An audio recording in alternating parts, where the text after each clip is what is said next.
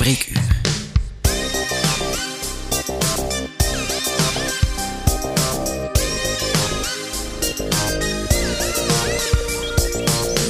Hallo en welkom bij het Open Spreekuur. In het Open Spreekuur ga ik, dokter Servaas, dieper in op vragen die jullie hebben gestuurd. Over voeding, beweging, slaap, ontspanning, mentale gezondheid en zoveel meer. Als je zelf een vraag wil insturen, surf dan naar www.dokterservaas.be slash podcast en stel je vraag door te klikken op de knop. Misschien krijgt jouw vraag wel een plekje in de volgende aflevering. Welkom bij Spreekuur.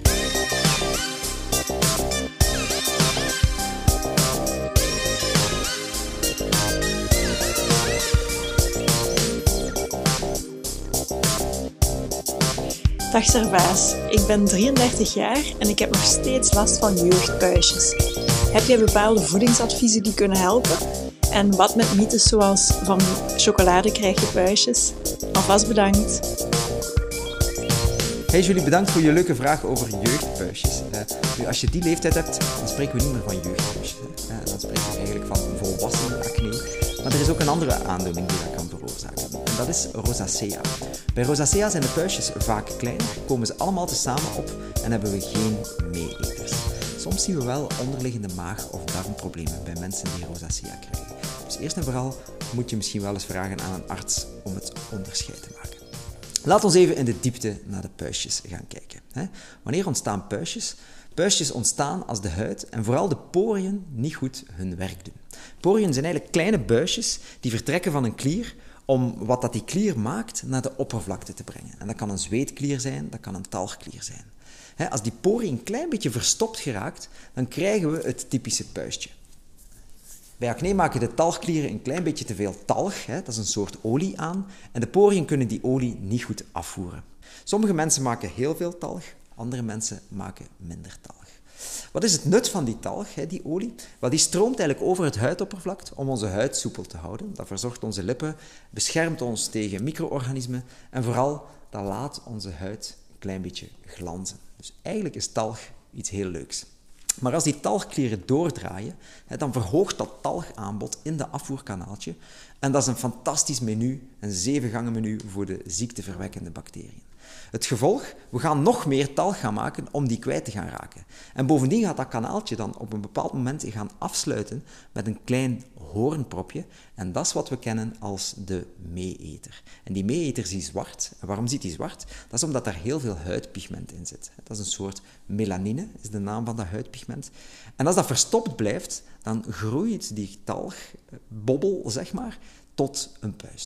En dan de vraag die op ons lippen brandt: moeten we een puist openknijpen? Wel, een puist openknijpen is in feite een vrij middeleeuwse behandeling. Als je dat te vaak doet en je doet dat niet goed, dan kan je daar eigenlijk littekens mee in de hand werken. Wil je het toch doen, was dan sowieso eerst je handen, knip goed je nagels, dat er niet te veel vuile bacteriën binnenkomen. En knijp ook niet te hard. Als je te hard knijpt op een puist, dan ga je de smurrie eigenlijk vooral naar de diepte sturen. En we willen vooral de smurrie naar de oppervlakte krijgen. Wat een betere techniek is dan een puist uitknijpen, is eigenlijk de huid elastisch gaan rekken om het afvoerkanaaltje een beetje te gaan vergroten. Succes is helaas niet altijd gegarandeerd, maar probeer het eens. Dus even samenvatten tot hiertoe. De talgkliertjes raken verstopt en dat leidt tot meeeters en puistjes. Sommige mensen hebben ook een beetje meer genetische aanleg voor acne. Meestal, als iemand acne heeft, heeft er iemand in de familie ook al last van gehad. Ofwel als volwassene of als tiener. En die persoon hoeft niet altijd je ouder, je broer of je zus te zijn. Nee, het kan ook verder weggelegen familielid zijn. Een oom, een tante of een neef. Veranderende hormoonspiegels kunnen ook een oorzaak zijn. Fluctuerende of overmatige geslachtshormonen kunnen leiden tot veranderingen in je hele lichaam en huid, zoals een onbalans van de zuurtegraad, ontstekingen, overmatige productie van die olie. En die veranderingen spelen heel vaak een rol bij de ontwikkeling van acne bij volwassenen. Nu, schommelingen in uw hormonen zijn ook niet altijd het teken van een onbalans. Uw huid kan ook gewoon reageren op de normale hormonale schommelingen. En dat kennen we vooral in de puberteit en kennen we ook een beetje in de perimenopauze. Als we echt een hormonale acne hebben, zien we dat die meestal heel diep is en heel veel kiestes vormt, die heel vaak gevoelig en pijnlijk zijn en die dus ook heel vaak heel veel littekens zullen. Nu, als je vermoedt dat je toch een hormonale afwijking hebt, zoals een abnormale menstruatie of overmatige haargroei, dan kan het toch eens nuttig zijn om een dermatoloog of een arts te raadplegen, om eventjes daar dieper op in te gaan. En een derde oorzaak, en niet onbelangrijk, we irriteren onze huid zelf ook heel hard. Er is zoiets, en we noemen dat contactirritatie en cosmetica-acne. Alles wat uw huid irriteert, van agressieve reinigingsmiddelen tot scheerapparaten op een droge huid, dat kan de weerstand van uw huid verminderen. En dan wil onze huid ons beschermen. En die beschermende reactie leidt tot ontsteking. Dus als je heel veel haar- en huidproducten gebruikt, en producten op oliebasis eh, gebruikt, dan kunnen die producten op je huid acne gaan uitlokken. Voorbeelden zijn daarvan shampoo en conditioner, stylingproducten, make-up, gezichtscremes, vochtinbrengers. En acne heeft zoiets van hoe vettiger, hoe prettiger. Een volgende reden, die ook heel belangrijk is, ze zijn allemaal belangrijk, is stress. Zowel de emotionele stress als de lichamelijke stress kan acne veroorzaken. Emotionele stress kan biologische veranderingen in het lichaam teweegbrengen die die acne kunnen uitlokken. Als je bijvoorbeeld heel bang, heel angstig bent of onder hoge druk staat, dan maken je bijnieren veel meer van het stresshormoon cortisol aan. En die cortisol kan leiden tot een verhoogde talgproductie, waardoor acne kan verergeren. Maar ook lichamelijke stress. Als we ons lichaam fysiek gaan overbelasten, bijvoorbeeld als we heel veel sporten of als we tot het uiterste gaan, kan dat ook leiden tot bepaalde hormonale veranderingen, kan dat leiden tot een verzwakte immuniteit en kan dat leiden tot ontstekingen die dan op hun beurt weer allemaal zullen leiden tot acne. Voorbeeldjes heb ik geschetst, extreem sporten, maar ook extreme weersomstandigheden. Slaapgebrek kan daar ook een oorzaak producten, maar bijvoorbeeld ook luchtverontreinigingen. En dan zien we nog acne voorkomen bij mensen met andere medische aandoeningen. Bijvoorbeeld bij mensen die allergieën of migraine hebben. Bijvoorbeeld bij mensen die heel veel roken, die hebben ook veel meer kans op volwassen acne. Er is ook nog een verdachte bacterie die in het ganse proces van acne gaat meespelen. En dat noemt de Propionibacterium acnes. Die kan ook acne veroorzaken wanneer ze in de huid aanwezig is. En vooral wanneer die bacteriën zich ophopen. En waar hopen die bacteriën zich op? Wel, die hopen zich op onder de huid. En die kunnen dus niet altijd aan die oppervlakte, zeker niet als die poortjes ook gaan verstopt zitten. Met andere woorden, je kunt die niet gewoon verwijderen door gewoon je gezicht te wassen. Maar jouw vraag, Julie, ging vooral over wat is het verband tussen voeding en acne. Veel mensen geloven dat als ze te veel bewerkte suikers, snoep, chocolade, zuivel of fastfood eten, dat dat kan bijdragen aan acne volwassenen. Nu, in wetenschappelijke kringen wordt daar heel veel over gediscussieerd. Er is eigenlijk nog geen goede wetenschap die heeft aangetoond dat het eten van suiker rechtstreeks leidt tot acne. Wat we wel weten is dat de inname van overdreven veel suiker leidt tot een soort van chronisch laaggradige ontsteking in ons lichaam, wat dan wel weer een rechtstreekse risicofactor is voor het krijgen van acne. Dus ondanks vele studies die naar die kwestie kijken, zie ik in mijn praktijk wel heel vaak patiënten die slechte voedingspatronen hebben en acne hebben, maar ik zie er evenveel die een goed voedingspatroon hebben en toch vreselijke acne hebben. De rol van suiker bij acne is veel gecompliceerder dan het simpelweg elimineren van suiker of een ander bepaald voedingsmiddel uit het dieet schrappen om het aantal puistjes te gaan verminderen. We zien ook een aandoening zoals we het PCOS-syndroom kennen. Wat is PCOS? Dat is polycystisch ovarieel syndroom. PCOS is eigenlijk een combinatie tussen insulineresistentie en te veel geslachtshormoon. En alle voeding die insulineresistentie in de hand werkt, zou ik toch vermijden als je al last hebt van acne. Dus kort samengevat zou ik overwegen om het volgende te beperken. Dat is suiker, zuivelproducten, omdat in zuivel ook substanties zitten die zeer ontstekingsbevorderend kunnen zijn. Heel verfijnde koolhydraten, heel bewerkte suikers zoals wit brood, pasta en rood vlees, omdat dat in hoge dosis ook ontstekingsbevorderend is. En je moet niet alleen naar voeding kijken, maar misschien zijn er ook bepaalde medicijnen die je neemt die in verband kunnen gebracht worden met acne bij volwassenen. Zo weten we dat mensen die onder cortisonetherapie of antidepressiva of zelfs epilepsiemedicatie zitten, dat die uh, verhoogde kans kunnen hebben. Er zijn ook nog een aantal gezondheids- en huidaandoeningen die kunnen lijken op acne, maar geen acne zijn. Het voorbeeldje van rosacea gaf ik al aan het begin van dit spreekuur. Je hebt ook zoiets als keratosis pilaris. Dat is een ontsteking van het haarwortelzakjes. Je hebt ook zoiets als periorale dermatitis. Dat is eigenlijk een eczeemachtige aandoening rond de mond. Nu, als je vermoedt dat je een onderliggende medische aandoening hebt die je acne veroorzaakt, kun je het beste contact opnemen met een zorgverlener voor meer advies. Wat kunnen we nu doen? Als acne onbeheersbaar geworden is en heel veel emotionele pijn veroorzaakt, of als de vrij verkrijgbare producten niet goed helpen, is het denk ik goed een arts te raadplegen. Een goede dermatoloog of een goede huisarts kan je helpen om te beoordelen welk huidtype je dat je hebt en welk type van acne je hebt.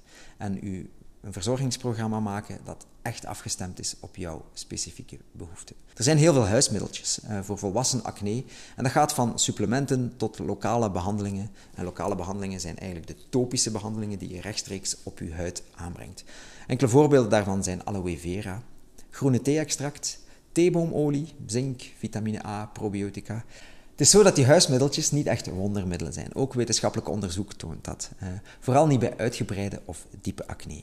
Sommige van die huismiddeltjes uh, kunnen de huidbarrière zelfs zeer hard beschadigen en leiden tot verdere irritatie en verdere uitslag. Zo kennen we de appelsiderazijn, tandpasta en citroensap-mythes. Dus doe dat vooral niet. Groene thee kan je via extract op je huid smeren, maar door het te drinken zal het ook je ontstekingen in je lichaam gaan verminderen. Want daar pleit ik wel voor. Een gezonde huid begint voor mij van binnenuit. Laat mij u misschien nog acht voedingsgroepen geven die heel geschikt zijn om huidaandoeningen te behandelen. Ten eerste water. Hm? Dat reinigt de huid en houdt je huid heel goed gehydrateerd. Ten tweede vijgen, bruine rijst of artisjokken. Die bevatten heel veel magnesium. En magnesium is heel belangrijk om de hormonen te balanceren. Zalm en walnoten bevatten heel veel omega-3 vetzuren en dat helpt ontsteking eh, een beetje in te perken. Ajuin en look bevatten heel veel selenium en selenium is een heel goede antioxidant en die gaat ook nog de elasticiteit van je huid ondersteunen. Spinazie, groene thee en bosbessen, ja, alle vrije radicalen die in ons lichaam zitten, worden door die voedingsmiddelen heel goed gevangen. Worteltjes en zoete aardappel bevatten heel veel vitamine A en beta-caroteen. Dat gaat enerzijds onze selenium een beetje gaan versterken, maar we weten dat we voor een gezonde huid ook heel veel vitamine A nodig hebben. Meloen, sinaasappel, tomaten, heel veel vitamine C daarin en dat helpt tegen de littekenvorming. En dan hebben we uiteraard de noten en alle bladgroenten die onder meer heel veel vitamine E bevatten en op die manier tegen acne kunnen beschermen. En dan heb je de medische behandelingen. Als je bij je arts gaat, hè, zullen we bepaalde behandelingen misschien adviseren. En dat kan gaan van salicylzuur of benzoylperoxide. Dat zijn eigenlijk twee stoffen die we op de huid smeren om die huid een klein beetje te gaan ontsmetten. Tot orale anticonceptie, retinol. Heel vaak geven we retinolachtige substanties. En dat is een voorloper van het vitamine A. En soms ook blauwlichttherapie. Pas op, niet zomaar in het zonlicht gaan zitten, want zonlicht kan littekenvorming verergeren. Dus Julie, ik hoop dat ik jou een beetje een antwoord gegeven heb op je vraag waarom je in je dertiger of veertiger jaren nog steeds acne kunt hebben. Hè? En nu zul je misschien afvragen, van ja, als ik dan die volwassen acne heb, zit ik daar voor altijd aan vast? Hè? Hoewel sommige triggers moeilijk te vermijden zijn, zijn er toch behandelingsmogelijkheden. Weet wel dat de beproefde behandelingen die je in je tienerjaren hebt gehad, die daar heel goed gewerkt hebben, zullen waarschijnlijk minder effect hebben als we volwassenen zijn. Als we volwassen zijn, is onze huid vaak veel gevoeliger voor droogte en irritatie. Dus al te harde ingrediënten worden meestal niet gebruikt voor volwassen acne, zoals die salicylzuur of die benzoylperoxide, want de volwassen huid verdraagt die niet zo goed. Met andere woorden, kan het raadzaam zijn om, als je volwassen acne hebt die niet weggeraakt, om eventueel toch te kijken of we niet op een andere acnebehandeling moeten overstappen. Julie, tot slot uw vraag veroorzaakt chocolade nu puistjes? Hè? Je bent wat je eet, dat is ons altijd verteld. En onze voedingskeuzes kunnen inderdaad het uitzicht van onze huid en onze algemene gezondheid gaan beïnvloeden. Chocolade heeft vooral een slechte reputatie omdat het puistjes zou veroorzaken. Maar ik heb misschien wel een klein beetje goed nieuws voor alle chocoladeliefhebbers. Je moet niet alles geloven wat je hoort. De waarheid, cacao is niet de boosdoener, maar misschien is het wel de suiker of de melk in chocolade die acne veroorzaakt. Pas op, het is wel waar dat sommige vrouwen een paar dagen na het eten van chocoladereep een breakout kunnen krijgen. Maar de vraag is, is suiker de schuldige of is het de chocolade in zijn geheel? We weten een dieet met veel vet en veel verfijnde suikers, zoals in snoep en chocolade, dat kan die talgproductie in een stroomversnelling brengen en ontstekingsreacties in het lichaam opwekken. En beide staan erom bekend dat ze het risico op puistjes gaan verhogen. Ik heb mij laten vertellen dat vrouwen de neiging kunnen krijgen om te snoepen, vooral chocolade, tijdens de premenstruele fase van onze cyclus, als de hormonen een beetje uit balans zijn. En dat betekent dat die trek gepaard gaat met een toename van de hormonen die net de talgproductie ook gaan stimuleren. Als je daar dan inderdaad die snelle suikers en het hoogglycemische voedsel gaat aan toevoegen, ja, dan kom je heel snel op het terrein van meer puistjes. Sommige soorten chocolade, met name de melkchocolade en de witte chocolade, PS, witte chocolade is eigenlijk geen chocolade. Witte chocolade is gewoon suiker met vet. Als je chocolade eet, pak je liever de pure chocolade. Die bevat over het algemeen veel minder suiker en vet. En bovendien betekent het hogere cacaogehalte ook een boost aan antioxidanten. En die zijn dan net weer heel goed voor je huid. Kortom, het idee dat chocolade de schuld is van acne is een klein beetje misleidend. Het volgen van een goed afgerond dieet dat rijk is aan bladgroenten en zeer laag is in bewerkte suikers, dat is een veilige gok voor een goede, mooie, glanzende, heldere huid. Maar we zijn allemaal mensen en inderdaad, af en toe zit je halverwege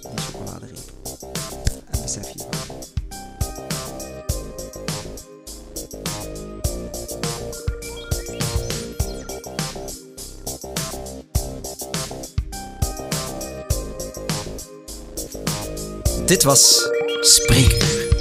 Bedankt, beste luisteraar, om deel uit te maken van de gezondheidsrevolutie. De show notes van deze aflevering kun je terugvinden via dokterservaas.be podcast. Heb je zelf ook een vraag voor het open spreekuur, dan kan je die daar ook opnemen. Je vindt op de websitepagina bovenaan een instuurknop en als je daarop klikt, dan kom je terecht in een audioruimte waar je je vraag kunt stellen. Als je deze podcast leuk en interessant vond, abonneer je dan via jouw favoriete podcastkanaal, deel het op je socials of geef ons een rating. Tot de volgende keer bij Spreekuur.